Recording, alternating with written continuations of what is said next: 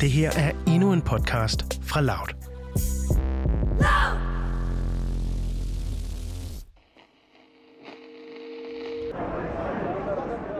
Vi befinder os på Avenue Habib Bourguiba, hovedgaden i hjertet af den tunesiske hovedstad Tunis og byens historiske, politiske og økonomiske centrum. En allé omgivet af velfriserede træer på række, butiksfacader, caféer med udendørsservering, hoteller og en historisk katedral. For 10 år siden, der lød det sådan her, lige her på Avenue Habib Bourguiba.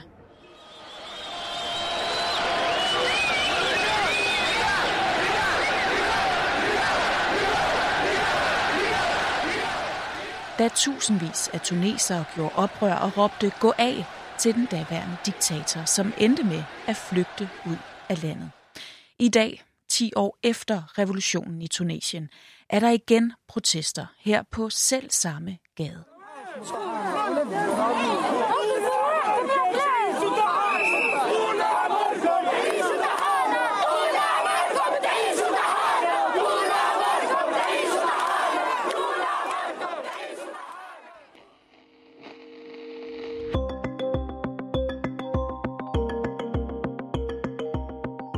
Tuneserne går igen på gaderne i Tunis i protest mod korruption, arbejdsløshed og dårlige leveforhold. Mange af de samme problemer som tilbage i 2011 under det arabiske forår. I udsyn i dag skal du med til Tunesien, og du skal blandt andet møde en af de aktivister, der både var på gaden i 2011 og er det igen i dag.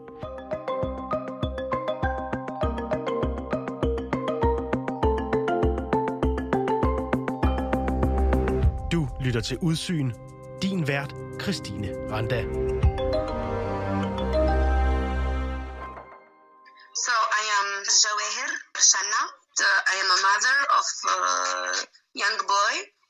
Uh, I am feminist, a feminist activist. I am a political activist.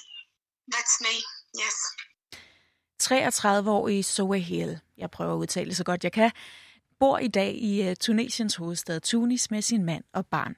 Hun var en del af revolutionen i Tunesien tilbage i 2011. En revolution, der begyndte med en tunesisk gadesælger, der satte ild til sig selv i protest mod korruption, stigende leveomkostninger og manglende jobs i Tunesien. Det blev startskuddet til store protester, ikke kun i Tunesien, men flere steder i den arabiske verden. Og Sohail, hun stod i Tunis' gader, hvor hun faktisk blev skudt i højre ben af politiet, da hun sammen med tusindvis af andre tunesere gjorde oprør mod den siddende diktator Ben Ali. At 7 p.m., in a televised address, Prime Minister Ghanouchi announced a hasty departure of Ben Ali. With the army's support gone, the deposed president fled the country to Saudi Arabia after France refused to allow him entry. When his departure was announced, the Tunisian protesters were overjoyed. It marked the start of a new era for the country after the 23 year reign of Ben Ali. Ja, der var glæde og fejring i gaderne, da Ben Ali flygtede ud af landet den 14. januar 2011. Sohail forklarer det sådan her. I was so excited and happy that finally the, uh, the people, Tunisian people is in revolution. During the, the day of leave Ben Ali was like a dream for me. A dream comes true. So uh, I was very happy, of course. I was very excited. I was expecting many and many changes. Men i dag, 10 år senere, er hun skuffet. Feeling is deception because nothing nothing changed especially um, economic in the economic level and the social level. Uh, so the tunisian people is protesting again for the same uh, demands that uh, for 10 years ago Christina Norvang, du er journalist og bor normalt i Tunis i Tunesien. Lige nu er du dog fanget i, øh, i Danmark efter din juleferie her, fordi øh, Tunesien har lukket landet, blandt andet for folk fra Danmark. De er ikke interesserede i at få den britiske coronavariant, hvilket man jo godt kan forstå. Men du følger med i situationen i Tunis gennem bekendte og gennem lokale og internationale medier. Prøv lige at forklare, hvad er det, vi ser lige nu? Jamen, vi ser frustrerede tunesere, der går på gaden, fordi at de er utilfredse med situationen i landet her 10 år efter øh, revolutionen.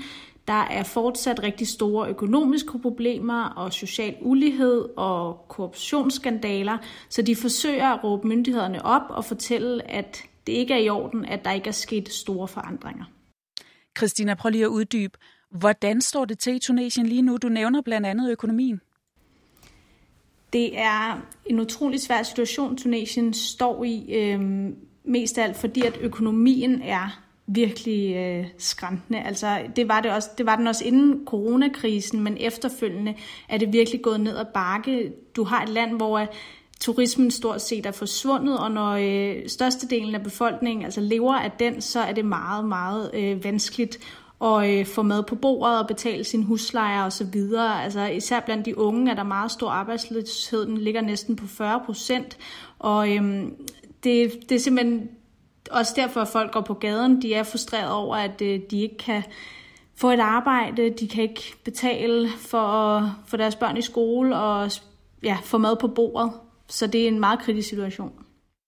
Og selvom det langt fra er første gang, at vi ser protester i Tunesien omkring årsdagen for revolutionen, så mærker Christina en større frustration den her gang. Demonstrationerne er i hvert fald mere intense, end de har været øh, de sidste par år. Og øh, der er en anden frustration lige nu, fordi coronakrisen har slået økonomien endnu mere i stykker. Og det kommer til udtryk i protesternes karakter.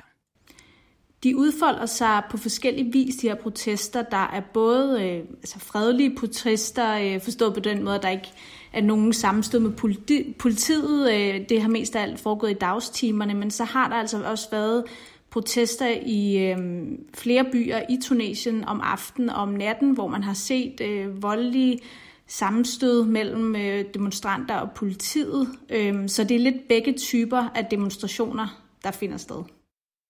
Og det er især de yngre generationer, der går på gaderne i Tunesien i de her dage.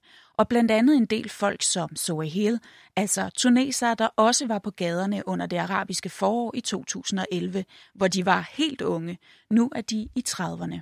Men så ser vi altså også helt unge øh, tunesere, der går på gaden øh, her om aftenen og natten, og der er over 700 øh, mennesker, der er blevet anholdt, og mange af dem er teenager. Øhm, så det er de helt unge, man ser i de her lidt mere voldelige protester, som er sådan i udkanten af hovedstaden Tunis, men også i, i øh, sådan byer i resten af Tunesien øh, ude på landet, hvor at de brænder biler af og, og så videre. Så det er sådan de helt unge, man ser gøre det. Hvorfor tror du, at det især er de helt unge, der tyr til øh, vold, så at sige, eller herværk? Jeg tror, man skal tænke på, at der, hvor de demonstrationer finder sted, hvor at de øh, ligesom er ført til øh, sammenstød mellem politiet og demonstranterne, det er øh, områder, der er utrolig fattige, hvor der er måske en arbejdsløshed på 70-80 procent i mange af de her områder. De har ikke andet at lave. De er så frustrerede over, at der ikke sker noget, og at myndighederne ikke hjælper dem, især her efter coronakrisen, hvor det bare er virkelig svært, og der har været halv lockdown øh, i flere måneder. Øhm, så det er jo aldrig, hvad skal man sige, en grund til at ty til vold og brænde biler af og lave indbrud i forskellige øh, offentlige og private bygninger, men jeg tror, man skal se det som et udtryk for den frustration, mange af de her unge står med i. Og det ser man også, øh, for nu at tale om noget, noget andet, som ikke er demonstrationer, men Tunesien har oplevet øh, sidste år en stigning i antallet af, af tuneser, der tager mod Europa. Og det er jo også en, en måde, at, at unge mennesker ligesom flygter fra landet, fordi de ikke ser nogen muligheder. Og det er virkelig ikke nemt at være ung i Tunesien lige nu. Mange af de unge kan ikke finde et arbejde, det vil sige, at de fleste hænger ud på gaden, øh, laver småtyverier, herværk, altså har ikke, har ikke noget at lave. Og øhm, for et par måneder siden snakkede jeg med nogle af de øh, personer, som har forsøgt og også haft succes med at tage turen øh, til Europa i de her faldfærdige både. Og de siger alle sammen, jeg har ikke noget liv. Jeg står op, går en tur, køber en kop kaffe, kan ikke finde noget arbejde.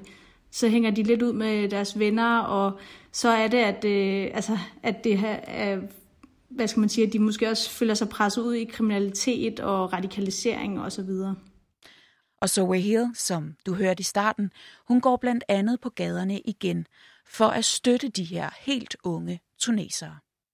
It's important to me to go to protest today because in Tunisia now they are they are saying at media um, that they are criminals. These these protesters who are protesting at night they are criminals. We were managed today at Habib Bourguiba to say that we are we are with these protesters who are protesting at night and we have the same demands og hun oplever, at politiet er meget offensiv, også under de fredelige protester om dagen, hvor hun blandt andet har oplevet brug af tårgas og vold. Uh, yesterday we went for uh, went in uh, demonstration. Some activists and uh, and uh, the police attacked us by uh, gas lacrimogène. Uh, if you can understand me in English. Yeah, tear gas. Uh, in French, yes, and uh, by uh, hitting us Jamen, der er flere, der har kritiseret øh, politiet for i de her områder, hvor der har været øh, sammenstød for at være altså for voldelige og du ved, altså kaste tårgas ind i øh, folks huse og så videre, at de ligesom er med til at opildne øh, demonstra- demonstranterne. Øh, men det er jo det er også sådan lidt, altså det, man skal heller ikke, de, at der er de her øh, voldelige demonstrationer, det er ikke det entydige billede. Altså der er altså ligesom fredelige demonstrationer i centrum af Tunis, hvor folk ligesom går på gaden, men der er helt klart sådan en, en tension mellem øh, politiet og demonstranterne. En tension, som ikke bliver mindre af, at der er noget, der kunne tyde på, at den siddende tunesiske regering har forsøgt at holde folk væk fra gaderne i forbindelse med 10-årsdagen for revolutionen. I dagene op til den 14. januar, som er årsdagen for deres revolution, der der, at diktatoren øh, han flygtede ud af landet, der øh, valgte myndighederne at gå ind og sige, gå ind og sige at øh, der, de ville indføre en fire dages lockdown i landet. Øh, det vil sige, at det, alle caféer og restauranter skulle være lukket, man måtte ikke demonstrere på gaderne og sådan noget. Og øh, det er jo selvfølgelig ikke til at vide, fordi vi ikke er inde i hovederne på, på myndighederne, men der var i hvert fald nogle tuneser, der spekulerede i, at det kom meget belejligt, at man lige pludselig ville lave en lockdown, og så kun, hvorfor kun på fire dage? Hvorfor så ikke øh, på længere tid, for coronavirusen forsvinder jo ikke efter fire dage. Så øh, på den måde har man også set her, øh, at efter de fire dages lockdown, så gik folk på gaden, fordi de, de vil gerne demonstrere. Og Zoe Hill, hun føler, at den ytringsfrihed, hun kæmpede sig til for 10 år siden, er under angreb igen. The only thing that we achieved after the, the departure of Ben Ali is freedom, uh, freedom of speech now. We, uh, the, this is deteriorating too much. It's a political issue. It's a political position. It's a political attitude. It, they are against protesting. Og det gør hende frustreret, for det er demonstranter som hende, der væltede Ben Ali der for 10 år siden, og jo derved gjorde det muligt for nye folkevalgte politikere at komme til magten. Men nu vil de ikke lytte. I feel frustrated because they can't understand that they they they have to listen to us. They have to to listen to our demands uh, as poor people, as as many as uh, we have demands. They they have to they have to listen to us. Men Christina, hvad er det for nogle krav, demonstranterne har? Hvad er det, de gerne vil have, at der skal ske? Jamen, de vil gerne have dem til at øh, lykkes med at lave nogle reformer, som hjælper tuneserne. Altså, øh, vi, der er et parlament lige nu og en regering, som øh, altså, jeg tror, der har altså, været udskiftning af ministre fem gange inden for et år. Ikke? Både på grund af nogle... Øh, øh, korruptionsskandaler, men, øh, men også fordi, at der lige har været en eller anden rokade, fordi at premierministeren mente, at der skulle nogle andre på posten. Så det er et meget ustabilt øh, øh, parlament og regering lige nu i Tunesien, som gør det enormt svært for dem overhovedet at vedtage nogle økonomiske reformer eller altså skabe noget stabilitet. Så Christina, er der noget, der tyder på, at demonstranterne de vil få den forandring, som, øh, som de råber på og som de søger? Altså det er svært at sige lige nu, og der skal rigtig meget til at skabe de forandringer, som de ønsker, fordi at det store problem er økonomien. Og det er, er jo enormt svært for et land som Tunesien lige at løse, især fordi altså de kan jo heller ikke bestemme, at turisterne skal komme tilbage, øh, når der er en coronakrise. Øh, så tiden må ligesom vise, om myndighederne lytter til de her opråb og forsøger at gøre mere, end de gør nu.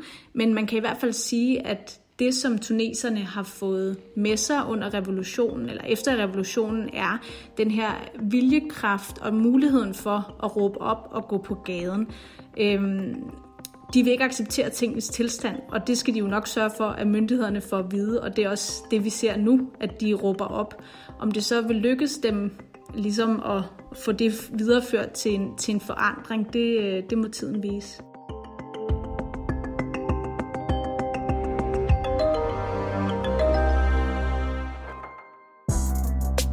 Det her var en aktuel podcast fra Loud.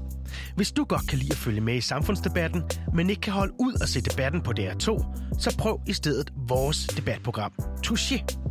Her tager Cecilie Lange og Kevin Shakir aktuelle emner op på en nysgerrig og undersøgende façon. Søg på Touché, der hvor du finder din podcast.